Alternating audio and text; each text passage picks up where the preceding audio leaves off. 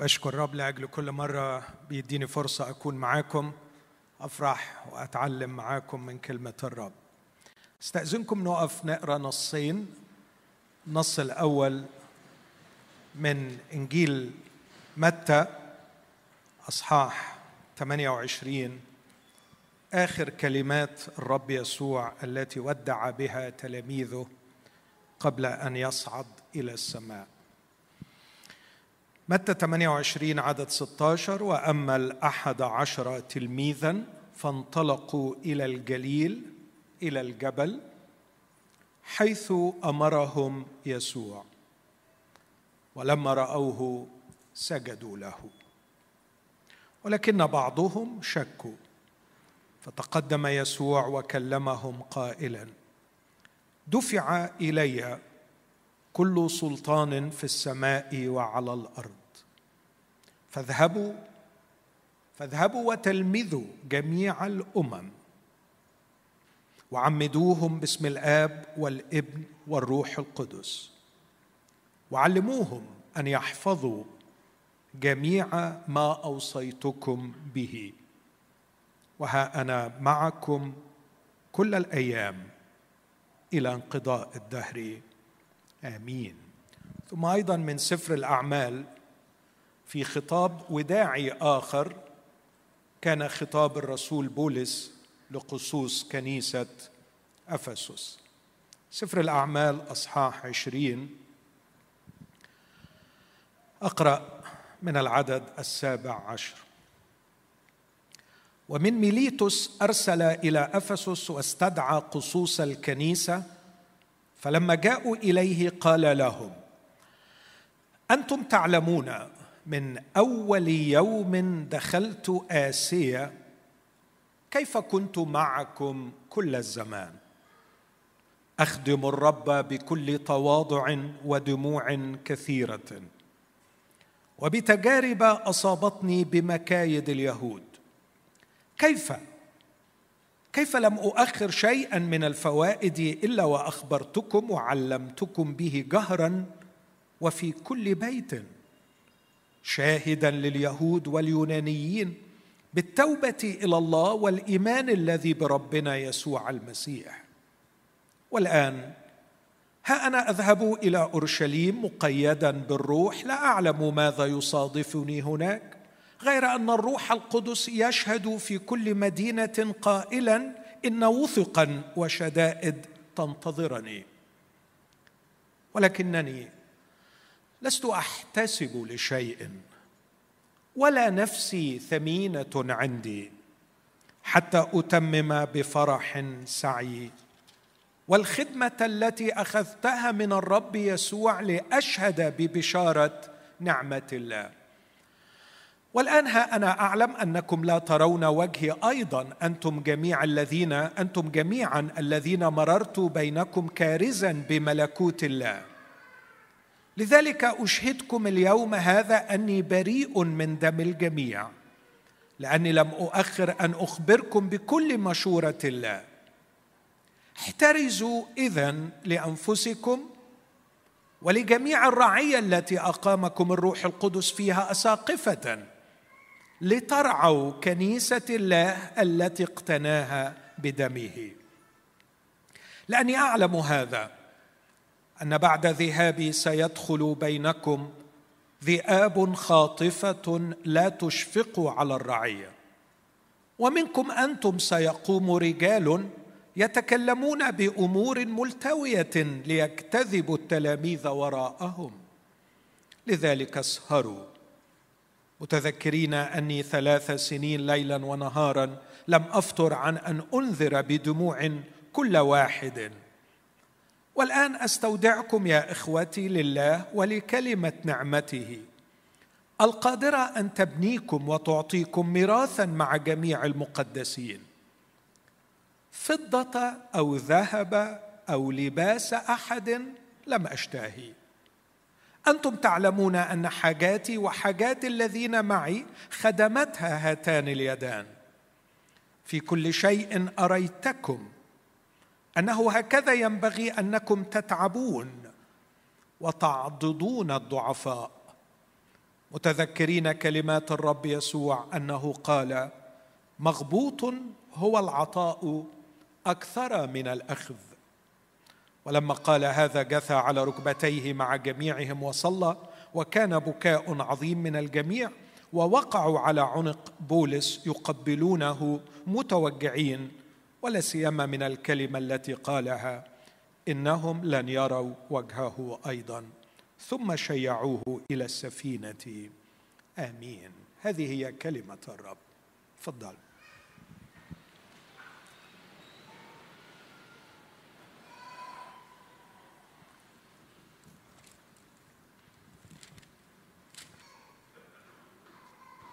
أنا مشغول بالصدد. ان إحنا بننتهي هذا الشهر هنا في الكنيسة من سلسلة خدمات طويلة عن مسؤوليتنا بعضنا تجاه بعض.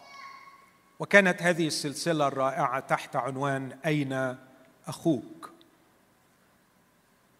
كثير من الخدمات قدمت تذكرنا بأهمية المحبة الأخوية المسؤولة التي تجعلني مسؤولا عن أخي وأختي وتجعل اخوتي مسؤولين عني. بشكر رب لأجل هذه السلسلة. لكن جميل أيضا أننا في النهاية في مؤتمر لأجل المجموعات في الكنيسة مجموعات دوائر للشركة بين المؤمنين تحت إشراف الكنيسة وبالارتباط بالكنيسة تتيح الفرصة أكثر لطاعة هذه التعاليم المسيحية التي سمعناها. أين أخوك؟ فربما في اجتماع كبير كهذا لا تتاح الفرصة لممارسة مسؤولياتي تجاه إخوتي أو للاستمتاع بشركة حقيقية واستمتاع ببناء إخوتي لحياتي الروحية. كم نحتاج إلى هذا المجتمع الآمن؟ الذي فيه نطيع أكثر من خمسة وخمسين آية بعضكم بعضا. في اجتماع كبير كهذا ندخل نجلس نسمع نسبح ننصرف ربما دون أن نلتقي. دون أن نلتقي. فنحن نتواجد دون أن نجتمع. دون أن نجتمع دون أن نلتقي. تواجدنا معا بلا شك بركة واستماعنا للخدمات نعمة قدرنا قيمتها لما حرمنا منها في وقت الجائحة. لكن يبقى يا إخواتي أن الاحتياج الحقيقي ليس للتواجد بل للقاء والاجتماع وجها لوجه في شركة حقيقية تخلق فينا حياة المسيح. هتكلم شوية عن التلمذة.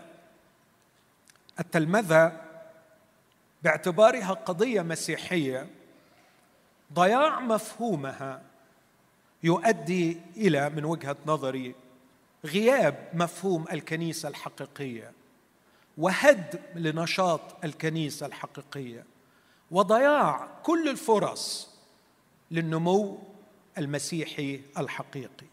هتكلم شوية عن التلمذة. النص الأول هقف قدامه بتفصيل شوية. النص الثاني سأسترشد به أثناء العظة لكني لن أتكلم عنه بالتفصيل. نص مثال بولس الرسول وهو يتلمذ ويعيش كتلميذ ومتلمذ للمؤمنين في أفسس. النص الموجود في إنجيل متى 28 من أروع وأجمل النصوص التي ألجأ إليها كثيرا لأتعزى وأتشجع. يسوع وهو يغادر العالم بعد أن أكمل العمل بعد أن انتصر بعد أن حقق كل مشيئة الله وأنجزها على أكمل وجه. كان اللقاء الوداعي مع التلاميذ في الجبل في الجليل. فيقول الكتاب أن الأحد عشر الأحد عشر بعد أن انتهى الخائن وانعزل وغاب. أحد عشر تلميذ مخلص حقيقي ليسوع. انطلقوا إلى الجليل ليلتقوا بالمعلم اللقاء الأخير حيث أمرهم يسوع. يبدو في هذا الجزء سلطان يسوع كالمعلم وكالرب. وهناك بكل الحب ودون أن يأمرهم أحد ودلالة على الوعي الجديد بمن يكون يسوع. تلقائيا عندما رأوه يقول الكتاب ولما رأوه سجدوا له سجدوا له. إخوتي الاحباء هذه عتبة دخول المسيحية. من هو يسوع بالنسبة لنا؟ لما رأوه سجدوا له. إذا غاب عنا القلب الساجد في داخلنا ليسوع لا توجد مسيحية حقيقية. إذا غاب هذا القلب المنبهر المنبهر بهذا الشخص العظيم إذا غاب هذا الوعي بمن يكون يسوع وبالتالي يغيب عنا هذا الانبهار الذي والامتنان الذي يقود للسجود له. فنحن لسنا بمسيحيين. المسيح الحقيقي يعرف أن يسوع رب ومخلص وهو الله الذي ظهر في الجسد وأن حبه واتضاعه وموته على الصليب لم يقلل ذرة واحدة. من حقيقته أنه هو الله الذي ظهر في الجسد. يقترب المسيحي كتلميذ بقلب ساجد في داخله ليسوع. لكن في نفس الوقت الكتاب رائع وهو يكشف لنا أن التلاميذ ليسوا كلهم في نفس المستوى. وأننا لسنا ماكينات لكننا بشر من لحم ودم. مرات تزداد قناعاتنا مرات نشك. مرات تشتعل قلوبنا بالعواطف والمشاعر وفي مرات أخرى نبرد ونفتر. نحن بشر مساكين. وكم هو جميل أن يسجل لنا الكتاب أن اللقطة الأولى والعظمى التي فيها يلتقي يسوع بتلاميذه قبل أن يصعد إلى مكانه اللائق به في الكوزموس في هذا الكون الذي خلقه الله ليجلس على القمة هناك صائرا فوق جميع القوى الروحية في هذا الكون ويجلس هناك باعتباره رأس الكنيسة رب الكنيسة مخلص الكنيسة يسوع فوق كل رياسة وسيادة وسلطان. وهم في هذا اللقاء البديع مع يسوع. بعضهم شكوا. بعضهم شكوا. كم تحمل لي هذه العبارة رجاء؟ لا تخف يا ماهر. لا تخف إن شككت. إن شكك لا يخرجك من دائرة التلمذة. إن تقلب أفكارك وتقلب مشاعرك أمر طبيعي يا ابني. ما دمت في اللحم والدم. لا تخف. فحيث كان يسوع في أعظم بهاء كمن قام من الأموات وحقق أعظم انتصار. وحيث الدائرة الصغيرة جدا أقدس دائرة دائرة الأحد عشر تلميذ. في هذا المشهد بعضهم شكوا فلا تخف. لما رأوه سجدوا له ولكن بعضهم شكوا فتقدم يسوع تقدم يسوع وكلمهم قائلا. اسمعوا يا إخوتي هذه الكلمات فهي إعلان دستوري جديد. سنته السماء وعلى كل الخلائق في السماء والأرض أن تخضع هذا قرار سيادي إلهي. ترسله السماء إلى كل الكائنات. يقول يسوع دفع إلي دفع إلي كل سلطان في السماء وعلى الأرض. في دوائر السماء حيث الكائنات الملائكية والروحية والشيطانية وفي دوائر الأرض حيث توجد كل الخليقة البشرية. يسوع يعلن أنه قد دفع إليه كل سلطان. نعم ربما هناك خطة مرحلية منهجية حتى يتوج يسوع ملكا في السماء والأرض لكن القرار صدر والخطة تسير. ويسوع يملك الآن من الآن على القلوب وتخضع له القلوب وتسجد له الركب حتى يأتي اليوم الموعود الذي ننتظره. فيه تجثو باسم يسوع كل ركبة في السماء وعلى الأرض وتحت الأرض ويعترف كل لسان أن يسوع رب. وهذا الاعتراف لمجد الله الآب. لكن عندما التقى يسوع بالتلاميذ وأعلن الإعلان الدستوري الإلهي الرائع الذي يفتح الباب للمسيحية. إذ به يكلف التلاميذ الساجدين له بهذا التكليف. اذهبوا. اذهبوا. اذهبوا إلى جميع الأمم. اذهبوا. وهذه الوصية كما نتعلم من أماكن كثيرة أخرى ليست قاصرة على الاحد عشر لأنه عندما التقى بعدد أكبر في يوحنا عشرين أكد وكرر هذه الإرسالية لكل الكنيسة لكل المؤمنين. اذهبوا إلى جميع الأمم إلى كل مكان. إنها ليست قاصرة على دائرة إسرائيل. أنا لست مسيا اليهود فقط. نعم أنا المسيا لكن الإرسالية المسيحية ليست إرسالية لليهود لكن اذهبوا إلى جميع الأمم. قال لهم تكونون لي شهودا في أورشليم وفي اليهودية وفي السامرة لكن أيضا إلى أقصى الأرض. ذهبوا إلى جميع الأمم. كان هناك في يوم الخمسين عرب. وكم نشكر الله لقد وصل الإنجيل إلى العرب. وكم من قبائل كثيرة في القرون الأولى للمسيحية كالغساسنة والمناذرة وغيرها كانوا مسيحيين حقيقيين. وصل الإنجيل إلى مصر. وصلوا إلى جميع الأمم. لم تكن قد مضت إلا بضعة عقود من السنين ويكتب بولس في كروز في كلوسي ويقول أن الإنجيل المكروز به في كل الخليقة. مكروز به في كل الخليقه اذهبوا إلى جميع الأمم. بس لاحظوا يا إخوتي بنخطئ خطأ أحيانا. مش اذهبوا إلى جميع الأمم وكرزوا لكن اذهبوا وتلمذوا جميع الأمم. مش اكرزوا لجميع الأمم لكن النص يقول اذهبوا. أسمع منكم من فضلكم عشان أتأكد. اذهبوا وتلمذوا. تلمذوا جميع الأمم. وعندما يقبلون التلمذة عمدوهم.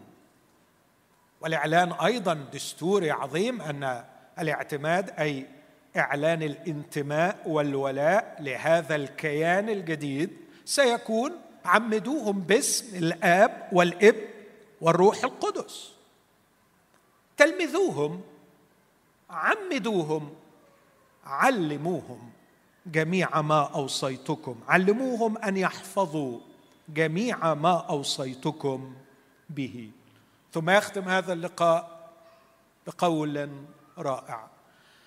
دفع إلي كل سلطان وها أنا معكم كل الأيام. سأبرهن لكم وأنتم تجتازون في مضايق الزمان وأنتم تعانون من غدر الأيام. سأبرهن لكم مرة وراء الأخرى أنه قد دفع إلي كل سلطان في السماء وعلى الأرض. لا تخافي يا كنيسة المسيح وأنت تجتزين في الأيام بغدرها وتقلبها من عقد إلى عقد ومن قرن إلى قرن لأن يسوع يقول ها أنا معكم كل الأيام ودفع إلي كل سلطان لا تخاف يا كنيسة المسيح. لكن أيضا ربما الكنيسة تحتاج إلى هذا القول العظيم. ها أنا معكم كل الأيام. ليس فقط لكي تستطيع أن تواجه غدر الزمان بسلطان يسوع لكن لأن المسيح كلفهم بمهمة عظمى بإرسالية عظمى. سماها اللاهوتيين كثيرا the Great Commission the Great Commission عندما كلفت التكليف الأعظم كيف يا رب نستطيع أن نتمم هذا التكليف. إننا أضعف. إننا أضعف من أن نتمم هذا التكليف. إننا ضعفاء. حياتنا لا تساعدنا. نحن نخور. نحن ييأس أحيانا. شهادتنا ليست دائما كما نحب. يا رب كيف تكلفنا هذا التكليف الضخم؟ أن نتلمذ أن نعمد أن نعلم. ده كتير علينا. يسوع يفاجئنا أو يواجهنا بهذا القول. ها أنا معكم كل الأيام. عندما تذهبوا إلى جميع الأمم لتتلمذوا أنا معكم كل الأيام. كم هو رائع إخوتي هذا النص الذي يودع به المسيح التلاميذ لكن في الحقيقة كان يؤسس للقرون القادمة يؤسس لما ستكون عليه المسيحية. وأتمنى من قلبي أننا نعود كثيرا ونقرأ هذا النص لنبدأ حياتنا المسيحية من هذا الكوميشن من هذا التكليف. إنه تكليف المسيح لتلاميذه. اذهبوا وتلمذوا جميع الأمم. توقف عند هذه الكلمة في هذا النص. تلمذوا. تلمذوا جميع الأمم. هناك فارق بين التلمذة في العهد القديم وفي العهد الجديد. وفرق في الأهمية أيضا. في العهد القديم كنا نقرأ عن التلمذة في إطار القيادة والخدمة. فنقرأ مثلا عن يشوع الذي كان تلميذ لموسى أو أليشع الذي كان تلميذ لإيليا. نقرأ عن هذا. لكن تظل عملية التلمذة محصورة في إطار الخدمة والقائد. حتى جاء العهد الجديد نرى أن الأمر مختلف كل الاختلاف. في 89 أصحاح هما الأربع أناجيل و28 أصحاح سفر الأعمال يعني 117 أصحاح. تتكرر كلمة التلميذ والتلمذة 261 مرة. لكم أن تتخيلوا هذا التكرار يعني أكثر تقريبا من مرتين أكثر من مرتين يمكن مرتين ونص في كل اصحاح في العهد الجديد. يعني من الصعب أن تكون قارئا مجتهدا مخلصا بشغف بحب بتقرأ العهد الجديد وما يصدمكش هذا القول من أصحاح إلى أصحاح إلى أصحاح عشرات ومئات المرات تلميذ تلميذ تلميذ. هل نرى أنفسنا تلاميذ؟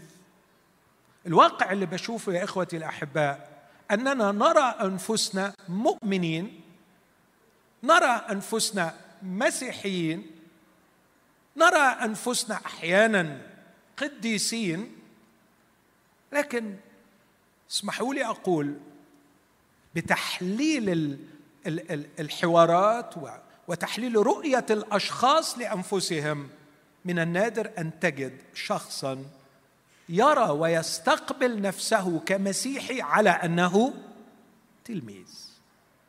غيب عننا. غيب عننا. في حين أن لقب تلاميذ يسبق لقب مسيحيين. يقول الكتاب دعي التلاميذ مسيحيين. فهم تلاميذ لكي يكونوا مسيحيين. نفسي كل واحد فينا يسأل نفسه السؤال ده وهو قاعد كل واحدة تسأل نفسها. أنا شايف نفسي إيه في حياتي المسيحية؟ يمكن أقول بعض الحاجات بعد شوي لكن خليك أمين وأمينة مع نفسك وفعلا كيف تستقبل نفسك؟ كيف ترى نفسك؟ هل كلمة تلميذ تعبر عن رؤيتي لواقعي الروحي والاختباري؟ خلوني أنتقل لنقطة ربما تساعدنا. في فهم التلمذة المسيحية إذا أردنا أن نكون تلاميذ. لما بقول كلمة تلميذ في القرن الواحد والعشرين وربما في العصر الحديث لمدة مئة سنة الأخيرة لما أقول كلمة تلميذ بتفتح في ذهني فكر معين ومشاعر معينة. تفتح في ذهني فكرة مدرسة منهج شهادة. مظبوط؟ فما فيش تلاميذ بدون مدرسة. فيش حاجة اسمه تلميذ من غير مدرسة. لابد من وجود مدرسة. هيئة تعليمية. وفي المدرسة هناك منهج.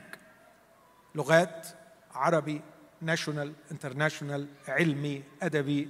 طالما في مدرسة هناك منهج. وإيه الغرض من المنهج في النهاية؟ إن الولد يحصل على شهادة. صح؟ أو حد يقول لي بنودي أولادنا المدارس عشان يتعلموا. لا يعني خلونا أمنا مع أنفسنا. إحنا بنودي أولادنا المدارس علشان شهادة من الآخر كده. دي يعني مأساة حقيقية بس ده ده الواقع. إحنا عايزينهم في الآخر ياخدوا شهادة يتعلموا ده مش يعني لكن بنفترض إنه مدرسة ومنهج وياخد الشهادة ويتعلم. لكن عندما نقرأ تلميذ وتلاميذ في العهد الجديد أرجوكم يا أحبائي أن نبحر معا إلى ثقافة القرن الأول حيث كانت تستعمل هذه الكلمات. مش من حقنا ناخذ كلمات استعملت في القرن الأول الميلادي ونحشوها بتصوراتنا نحن عن هذه الكلمة عن هذا اللفظ. أعتقد توافقون إنه في القرن الأول الميلادي ما كانش فيه مدارس ما كانش فيه وزارة تربيه وتعليم ما كانش فيه جامعات ما كانش فيه وزارة التعليم العالي. ما كانش فيه حكومة بتحط مناهج. ما كانش في مناهج تعليمية. ما كانش في شهادات وجراديويشن وجامعات يحدد دخولها المجموع. ما كانش في النظام ده اطلاقا. اذا مستمعي المسيح عندما يقول لهم يكفي التلميذ أن يكون كمعلمه عندما يقول الرب يسوع لتلاميذه تلمذوا جميع الأمم. المستمع لهذه الكلمة يفهمها في سياق البيئة والحضارة والثقافة التي كان يعيش فيها. طب هم كانوا بيفهموها إزاي؟ كانوا يفهموها خالص بمن مفهوم مدرسة ومنهج وشهادة. لكن كانوا يفهموها بمعلم. ونوع حياة وتشبه. عندما أقول إني أريد أن يكون ابني تلميذا على طول في مخي مش مدرسة لكن في مخي معلم شخص شخص. وعندما أقول إني أريد ابني أن يكون تلميذا لمعلم لا أقصد محتوى تعليمي اطلاقا لم يكونوا يقصدوا المحتويات والمناهج لكن يقصدوا خبرات وحياة هذا المعلم. فأنا أرسل ابني لهذا المعلم لأني مقتنع به لأني أرى حكمته في الحياة. لأني أرى نوع حياته الأخلاقية والمهنية والحرفية والفكرية وأريد أن ابني يشرب منه يستقي هذا النوع من الحياة فيجلس عند قدميه ويخدمه وربما يصل به الأمر أن يحمل حذاءه وراءه ودائما عند رجليه. يشرح بولس تلمذته في العهد القديم فيقول كنت مؤدبا عند رجلي غملائيل. أرسله أبوه إلى معلم مش لمدرسة لكي يتشرب نوع الحياة المنهج الحياة والغاية النهائية التي يحلم بها الأب الذي أرسل ابنه إلى هذا المعلم ليتلمذه مش إن الولد يرجع له آخر السنة بشهادة. لكن الولد يرجع له ها؟ استنتجوا أنتوا. نسخة من معلم. إمتى الأب يبقى فرحان أن المهمة قد نجحت؟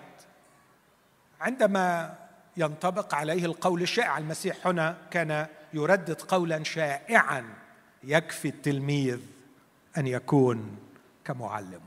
إن قمة النجاح في حياة التلميذ أن يصبح نسخة من معلمه.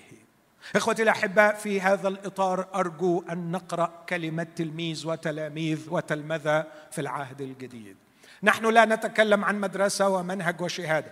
نحن لا نتكلم عن محتوى تعليمي. لا نتكلم عن محتوى عقائدي. أكيد التعليم مهم والعقيدة مهمة زي ما هشوف واحاول أوري بعد شوية. لكن الكلمات تعني معلم ونوع حياة وتشبه بهذا المعلم وتشرب لنوع الحياة التي يحياها هذا المعلم.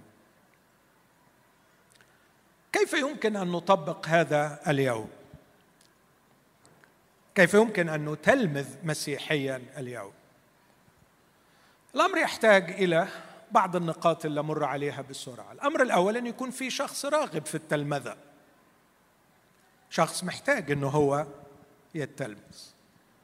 من وجهة نظري لاحظت في كل المجموعات وفي كل النشاطات التي يحاول فيها أشخاص أن يتلمذوا آخرين انه الفشل بيبقى ذريع إذا لم يكن هناك رغبة حقيقية في قلب الفتاة في قلب المرأة في قلب الرجل إنه يتتلمذ. أنا عايز أتعلم.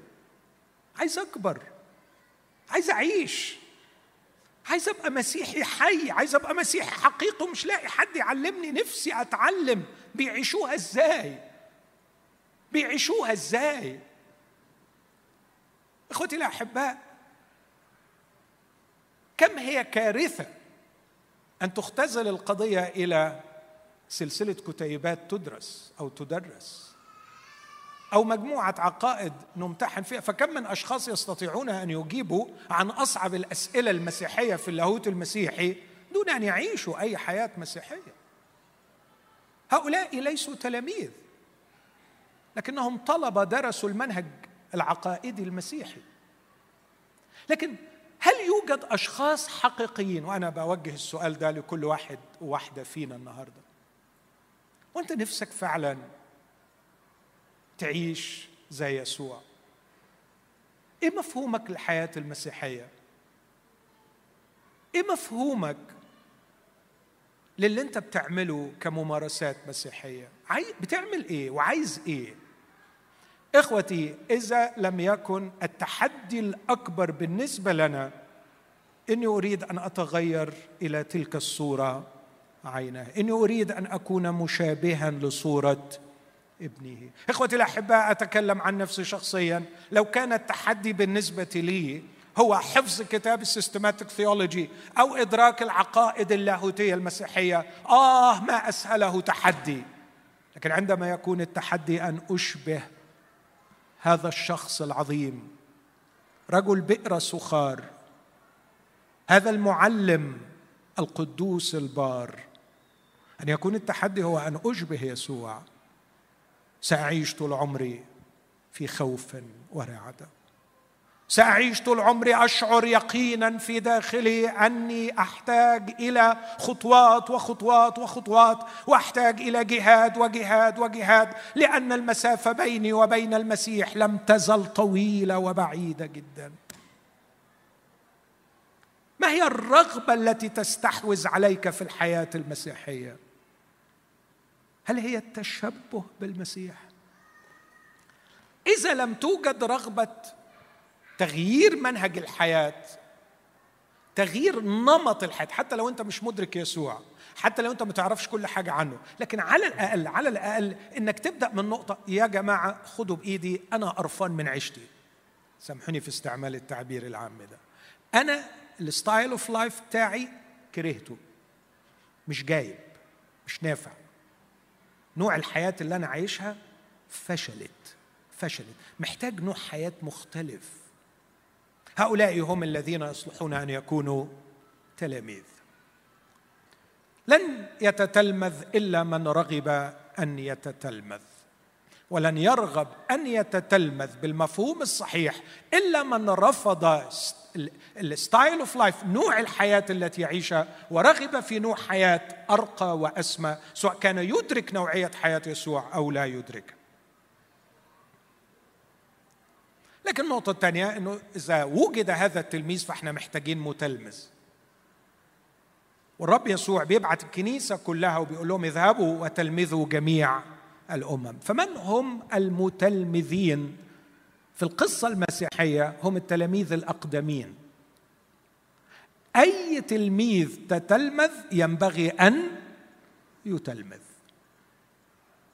كل من عرف شيئا عن يسوع وكل من اختبر شيئا في يسوع وكل من قطع شوطا في حياته مع المسيح ينبغي عليه أن يطيع الوصية العظمى التكليف الأعظم.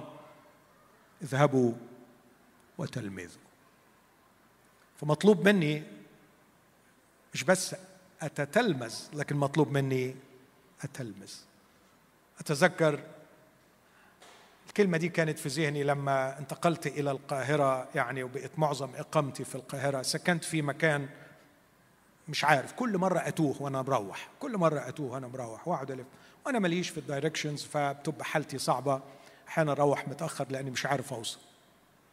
لكن كمان احتجت أروح البنك واحتجت حلاق واحتجت مكوجي. فأخيرا وجدت صديق ساكن في المنطقة دي. فبقي صديقي العزيز جدا في الوقت ده لأنه كل ما احتاج حاجة بتصل بيه. آه، أروح فين؟ أمشي إزاي؟ أنا جديد. أنا غريب على الحتة دي. أنا محتاج اللي ياخد بإيدي. وكنت أنبهر بيه بصراحة هو عارف كل حاجة. هو بيقول لي تحوت كده وهو على التليفون أنت فين دلوقتي؟ أقول له في الحتة اللي يقول لي خد يمين هتوصل خد يمين خد شمال أنا معاك. ويعرف الحلاق الكويس ويعرف المطعم الكويس ويعرف المكواج الكويس.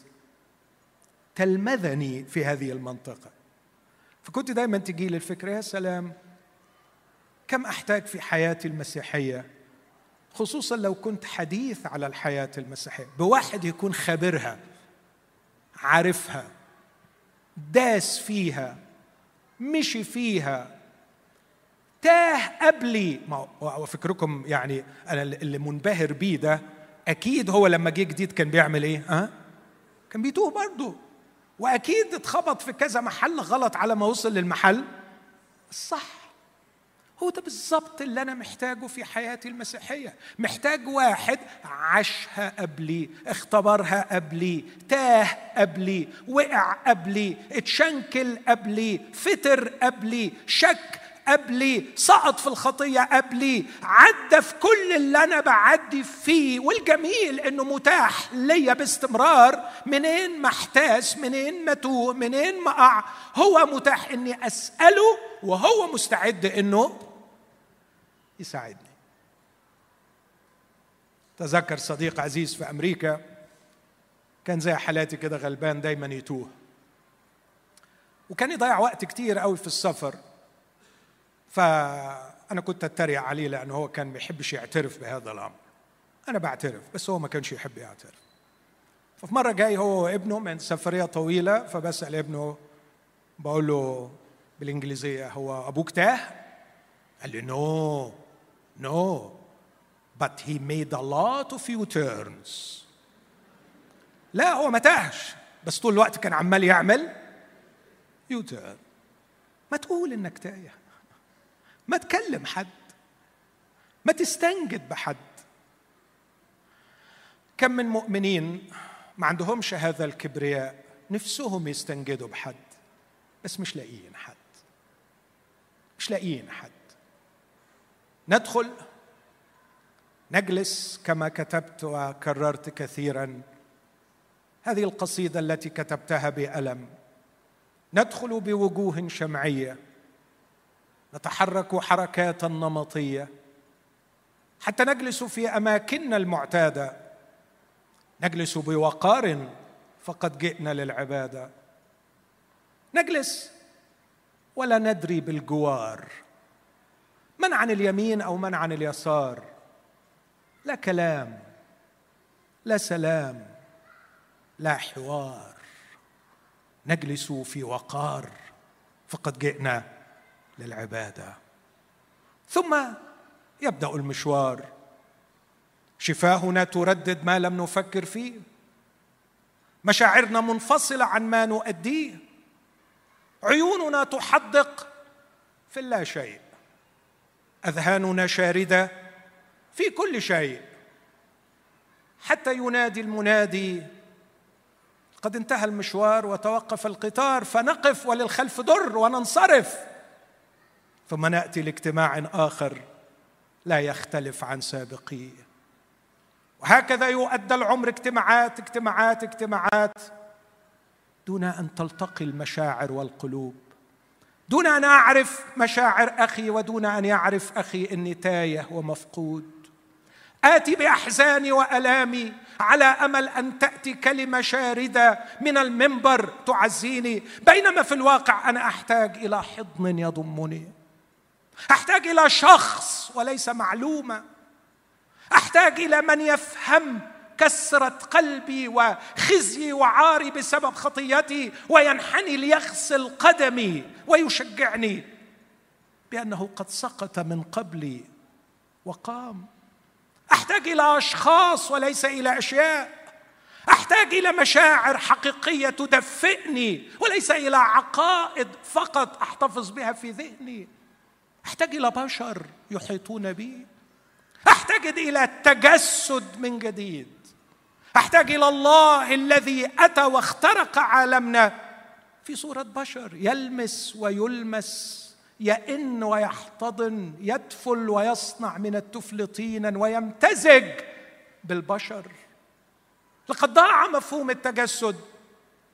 حولناها إلى مجرد أماكن للالتقاء دون أن نجتمع معا ونلتقي معا.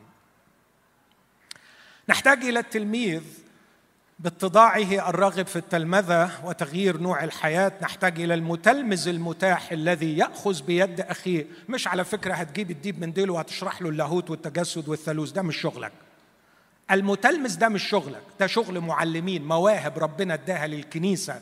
ونشكر رب إنهم بيقوموا بشغلهم. ده مش شغلك. أنت شغلك كمتلمذ تاخد بإيد أخوك وتمشي بيه المشوار اللي أنت مشيته. بس. هو محتاج لكده. وفي معلمين هيعلموه. لكن نحتاج أيضا للغرض الواضح.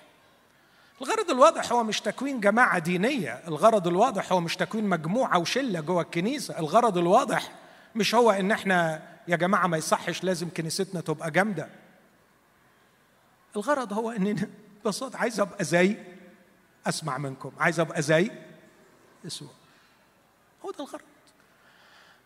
التلميذ والمتلمذ يتفقان معا على غرض محدد التشبه بيسوع.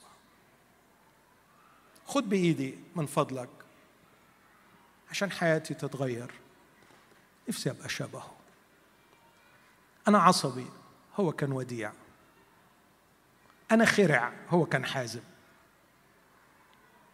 أنا مش بعرف أجادل هو كان محاور جيد. أنا بخاف هو كان زي الأسد ما بيخافش.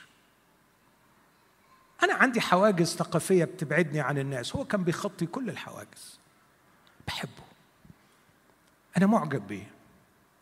نفسي أبقى شبهه. عندك أي حاجة تساعدني بيها أبقى شبهه؟ ممكن تساعدني في الحتة دي؟ المتلمذ الأمين يقول له بص بصراحة الحتة دي أنا ما أعرفش فيها بس عندنا أخ أكبر ممكن نلجأ له. تعال نسأل فلان هو تلمذني هو علمني. أخت تقول لأختها أيوة بالظبط أنا فعلا عانيت من اللي أنت بتعاني منه. لكن تعرفي اكتست في خبرة طويلة. قعدت مع فلانة قريت الكتاب الفلاني. ربنا كلمني من الأصحاح الفلاني.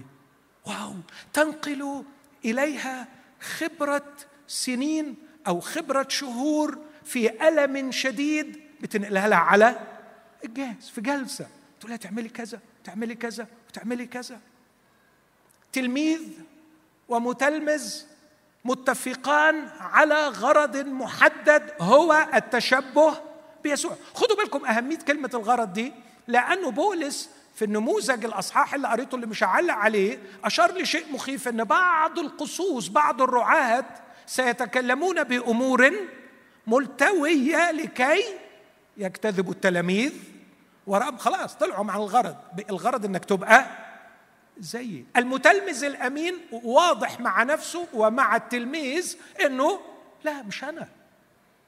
أنا وأنت ماشيين في السكة ورا المعلم. لكي نشبهه. لكن النقطة الرابعة نحتاج إلى دائرة شركه دائرة شركه مش عارف أوصفها إزاي. مش عارف أقولها بأي لغة تانية. Circle of fellowship. نقعد مع بعض في شركة. دائرة شركه يعني إيه دائرة شركه يعني قعدة الأتوبيس دي ما تنفعش. الأتوبيس ما ينفعش. أتوبيس يعني صفوف صفوف صفوف ومن قدام فيه سوا ما ينفعش. لابد إن إحنا نقعد وشنا في وش لابد من شركة دايرة دايرة. لابد من الدايرة. وفي هذه الدائرة في شركة. يعني إيه شركة؟ يعني مش متنشيين يعني مش جايين علشان آه، ننجز الطقس ونتمم الفرض ونخرج بسرور بأننا أنجزنا. الحمد لله الحمد لله. أنجزنا المطلوب. لا. يعني ناكل مع بعض. يعني نحكي مع بعض. يعني نبكي مع بعض. يعني نفرح مع بعض. يعني نعترف لبعض. يعني نعاتب بعض. أوه أنت كده هتدخلنا في مشاكل. آه ما هو هي المشاكل دي اللي هتكبرنا. لأن لما هاجي أعاتب في المرة الأولانية أكيد بغشم هعاتب غلط. بس it's okay المتلمذ يقول لك على فكرة ده أنا نيلت الدنيا ده أنت عملت أحسن مني كتير قوي تعال أعلمك إزاي تعاتب. صح. أصل أنت ياما بعمل الحكاية دي مع بعض أحبائي القريبين من أقول له كانش تتقال كده. مرة أختي كانت ذاهبة تعاتب أختها فاتصلت بي قالت لي اديني نصيحة. أنت عارفني وعارف فلانة أرجوك اديني نصيحة. قلت لها هتعملي بيها؟ قالت لي آه. قلت لها اوعي تستعملي المنطق. اتخضت. قالت لي دكتور ماهر انت اللي بتقول لي قلت لها آه أصل أختك المنطق عندها بعافية شوية وانت المنطق عندك سايد حبتين. هتستعملي معاها المنطق هتسحقيها. قلت أمال أعمل إيه؟ قلت روحي طبطبي عليها. انسي المنطق خالص في الوقت ده. قلت طب وده كلام؟ قلت لها إن شاء الله هتيجي الأيام وربنا يعني يدي المنطق بتاعها شوية عافية وتقوم بالسلامة وساعتها نبقى نحاور بالمنطق. انت عايزة تربحيها ولا تسحقيها إن سمع منك فقد ربحت أخاك أنا عايز أربحه في دائرة الشركة هنشوف وش بعض ونشوف التعبيرات وتزداد مهاراتنا الاجتماعية كإخوة أخويا ده بيتعب لما بقول إيه؟ إيه الكلمات اللي بتضايقه؟ وأنا اللي بتدرب وبتعلم وأبقى أكثر حكمة في استعمال ألفاظي واستعمال كلماتي. فالكلمات اللي أستعملها مع فلان يمكن ما أقدرش أستعملها مع فلان والمنهج اللي استعمله كيف نكتسب هذه الحكمة؟ في دائرة شركة. في دائرة شركة أعرف أن أخي مكسور لأنه معهوش مصاريف المدارس. ومساحة الشركة بيني وبينه تتسع وتسمح أن أعرف هذا. ولأني أعرف عزة نفسه الشديدة جدا. لا يمكن أن يفصح عن هذا وينام كل ليلة يتولى ويتلوى في وجعه. لكن لأن مساحة الشركة بيننا عميقة أقفز. لا أسد نقصا حسب إمكانياتي حسب طاقتي. دوائر الشركة هي التي تتيح لنا أن نتغير إلى تلك الصورة عيناها. لكن لابد أيضا أن تكون هناك في التلمذة نقطة مرجعية نحتكم إليها. لابد من البداية خالص هنتفق مع بعض. هو إحنا وإحنا بنعيش ال style of life متشبهين بيسوع. أكيد هنختلف وأكيد هنحتاج إن إحنا نتفق. لكن لكي نتفق عندما نختلف لابد أن نتفق اولا كيف سنتفق صح؟ أكيد هنختلف وهنحتاج إن إحنا نتفق لأنه إحنا عمرنا ما هنقول خلاص it's okay خلينا نتفق على أن نختلف. لا مش هينفع الكلام ده في دايرة الشركة. في دائرة الشركة إحنا محتاجين لما نختلف إن إحنا نتفق. كيف يسير اثنان معا إن لم يتوعدا بس علشان نقدر نتفق لما نختلف لابد أن نتفق اولا كيف نتفق. فنقعد مع إحنا هنتفق إزاي؟ آه إحنا الاثنين بنثق في الأسيس جان. فيبقى اللي يقوله الأسيس جان هو اللي هنمشي عليه. ينفع يا أسيس جان الكلام ده؟ لا ما ينفعش. هو مش هيرضى بكده. لابد أن تكون لنا نقطة مرجعية نحتكم إليها. هي كلمة الله. شفتوا المتلمذ الجميل؟ وهو بيقول لهم فيكم ناس هيتكلموا كلام ملتوي وفي ذئاب خاطفة هتدخل بينكم أروح فين وأجي منين؟ قال لا مش خايف اسمعوا يا إخوتي أستودعكم يا إخوتي لله ولي كلمة نعمتي القادرة أن تبنيكم. هذا الكتاب عظيم وفيه كل ما نحتاج إليه لكي نتغير إلى تلك الصورة عينها. تقول لي لا ما هم كل واحد بيفسره. ما إحنا لو قاعدين في دايرة شركة شهور وسنين مع بعض أكيد عشنا وفهمنا واختلفنا واتفقنا وبدأنا نعرف التفاسير الصحيحة واتفقنا. وكثير من المرات بيكون الاختلاف ليس لغياب وضوح الكتاب لكن لاختلاف الرغبات ومحاولة تطويع الكتاب على الرغبة. لكن لما بيكون في إخلاص وأمانة لن يكون الكتاب غامضا. ما يجعل الكتاب غامضا هو الرغبات وليس اختفاء الأفكار. لكن نحتاج أخيرا إلى كنيسة محلية. دوائر الشركة لا ينبغي ابدا أن تنفصل عن الكنيسة المحلية. ابدا. وأرجو أن ده يكون واضح يا أحبائي. الكنيسه المحلية عندما أهملت التلمذة واكتفت بنشاطات لا تقوم بالتلمذة قامت بعض الهيئات اللي بتسمى بارا تشيرش اورجانيزيشنز هيئات بجوار الكنيسة بتقوم بعمل التلمذة. والحقيقة قرأت كثيرا عن هذه الهيئات عملت عمل عظيم. في التاريخ المسيحي بنشكر رب لأجلها وأقدرها جدا. لكن اسمعوني أحبائي تصبح كارثة كارثة إذا هذه الهيئات قامت بالتلمذة بالاستقلال عن الكنيسة المحلية. دي مأساة. لكن المأساة الأكبر أن الكنيسة المحلية لا تقوم بواجبها في التلمذة.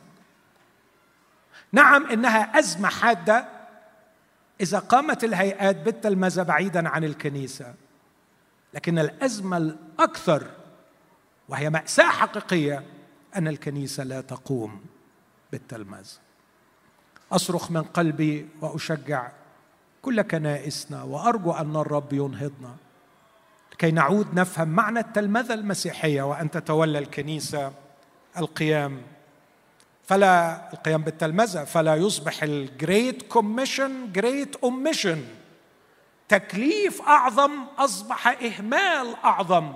اذهبوا تلمذوا بنوعظ بيها لكن ما بنتلمذش. أختم كلامي وأقول لماذا لا تقوم الكنيسة المحلية بالتلمذة؟ في أشياء كثيرة وهنناقش أشياء كثيرة في مؤتمرنا. لكن هقول فكرتين وأختم بيهم. الفكرة الأولى مفهوم الخلاص. مفهوم الخلاص وأنا لن أمل من تكرار الكلام في هذا الأمر. إذا كان مفهوم الخلاص هو إني أروح السماء التلمذة ملهاش أي لازمة. هقول تاني. لو مفهوم الخلاص هو إني أخلص علشان أروح السماء التلمذة ملهاش لازمة. ومش محتاج الكنيسة علشان اتتلمذ طب ما هاجي الكنيسة ليه؟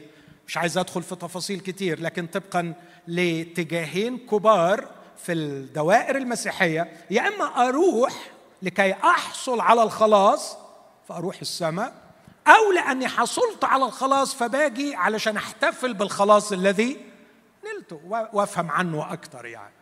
بس الحمد لله إحنا خلاص إيه؟ ها؟ رايحين السماء رايحين خلاص. خلصت. ما إحنا نلنا الخلاص. ما دام نلنا الخلاص رايحين السماء يبقى اللي نعمل يلا بقى نتقابل علشان نحتفل ونغني ونفرح إن إحنا رايحين السماء ونسمع كلمة تشجعنا في سكتنا للسماء أو نروح الكنيسة علشان ربنا يعني يرضى علينا ونعمل شوية حاجات علشان إيه؟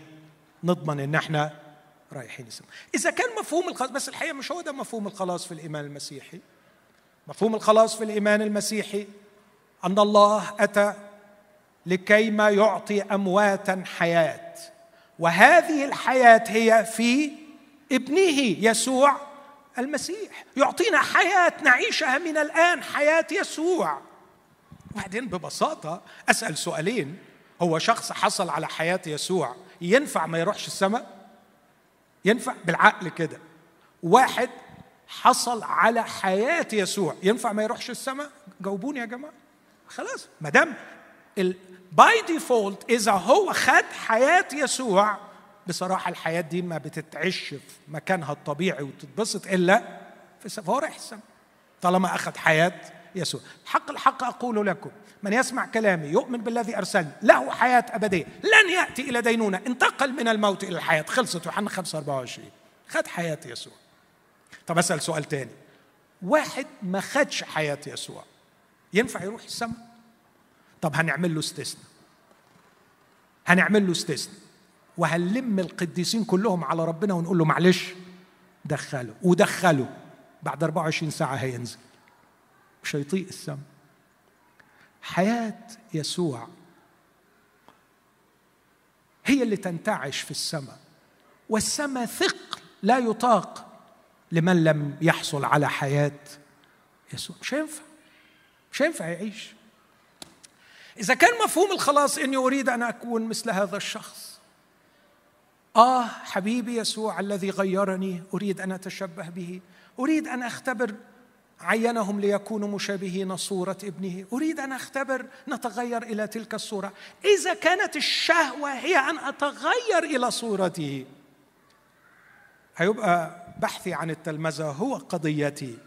ويبقى مروح الكنيسة أروح الكنيسة اللي بتساعدني في إني أتغير وأبقى شبه يسوع. علاقة الكنيسة بالتلمذة عندما قبلت الكنيسة الإنجيلية أن يختزل الخلاص إلى مروح السماء تقاعست عن القيام بالتلمذة. لأنه الحمد لله الناس ضمنت السماء وعمالة ترنم وتسبح إنها رايحة السماء. أرجو وأصلي أن تعود الكنيسة تفهم أن الخلاص الحقيقي هو أن نخلق أفراد مشابهين ليسوع. في محلتهم في دكاكينهم في عيادتهم في منازلهم في بيوتهم هم شبه يسوع شبه يسوع. وأن الكنيسة مهمتها الأولى برامج التلمذة الحقيقية ودوائر الشركة الحقيقية لتجعل هؤلاء الأشخاص مشابهين ليسوع. أنت رايت اللاهوتي المعاصر المعروف يقول علينا أن نبدأ من الإسكاتولوجي من النهاية حيث سنساكن الله بنوع حياة معينة. هذا هو الإسكاتولوجي بتاعنا النهاية بتاعتنا.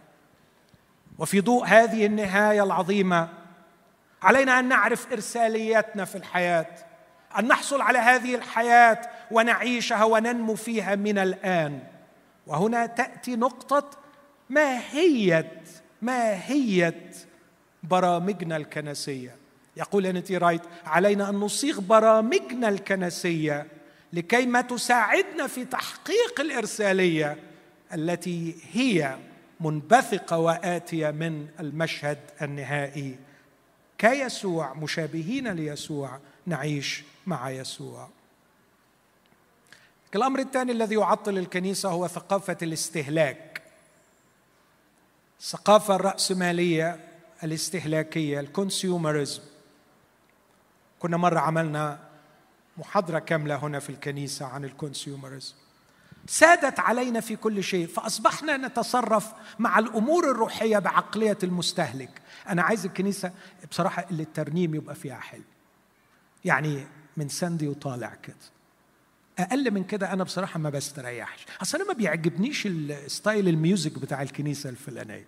بس في كنايس بتعمل music حلوة فأنا أروح الكنيسة اللي فيها music وأنا بصراحة نوع الوعظ ده ما مش بتاعي قوي يمكن يناسب ناس تانيين بس أنا هدور على نوع الوعظ اللي يريحني. ففي النهاية بتعمل الخلطة بتاعتك تشوف أقرب كنيسة لذوقك اللي تستاهل إنك تدفع عشورك أو اللي تستاهل إنك تضحي بوقتك وتروح تديهم ساعتين يوم الجمعة. ما يعني أروح ساعتين يوم الجمعة وأتعذب في الركنة وأشرب الغلب مع العيال وأحط العيال هنا وأعمل هنا وفي الآخر لا ال music عجباني ولا الترنيم عجبني ولا الوعظه عجباني لا يا عم يفتح الله في محلات تانية الحمد لله فاتحة والشغل كتير وفي غيرك هيستقبلني وهيرحب بيا. consumers بقت الكنائس محلات بتبيع منتجات دينية. وليس دوائر شركة. نحب أحدنا الآخر. ونحتمل أحدنا الآخر. ونعرف أحدنا الآخر. ونخضع أحدنا للآخر. ونوبخ أحدنا الآخر. وننذر أحدنا الآخر. ونعلم أحدنا الآخر. بغرض واحد أن نتغير إلى تلك الصورة. عينها خلونا نقف نقضي دقيقتين في الصلاة مع فريق الترنيم. أتمنى من قلبي ان الرب استعمل هذه الكلمات لكي نتشجع في أن نبحث عن دوائر شركه حقيقية نعبر فيها عن رغبتنا في التتلمذ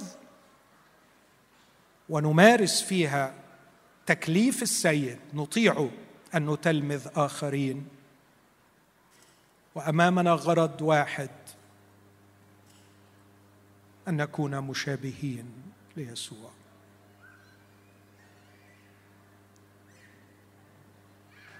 صلي معي يا أختي. صلي معي يا أخي. هل بدأنا تلمذة آخرين حولنا؟ هل نشعر بهذا التكليف؟ هل تلمذنا أولادنا في بيوتنا؟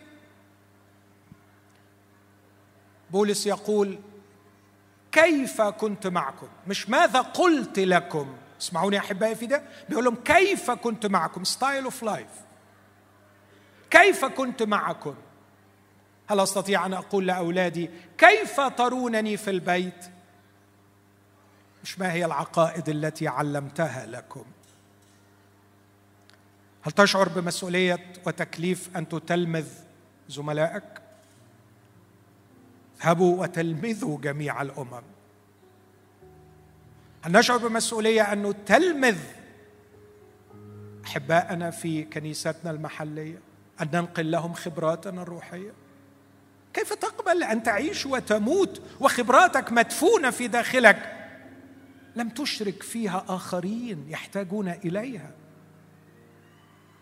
كلم العجائز أن ينصحن الحدثات. على الشيوخ أن يرعوا الصغار. على الشباب أن يشجعوا أحدهم الآخر. لا يستهن أحد بحداثتك. كن قدوة للمؤمنين. هيا بنا يا إخوتي ننفض غبار. هذا الكسل والاكتفاء بالجلوس على مقاعد الكنيسة كمستهلكين. لننطلق إلى حياة شركة حقيقية مع إخوتنا المؤمنين. فيها نتتلمذ وفيها نتلمذ لكي نتغير ونشبه يسوع. دعونا نأتي بحياة يسوع إلى العالم. دعونا نعطي العالم فرصة أن يرى المسيح معاشا في الأرض بمحبتنا بعضنا لبعض محبة حقيقية. يسوع يريد أن يظهر في العالم من خلالنا. اذهبوا وتلمذوا جميع الأمم.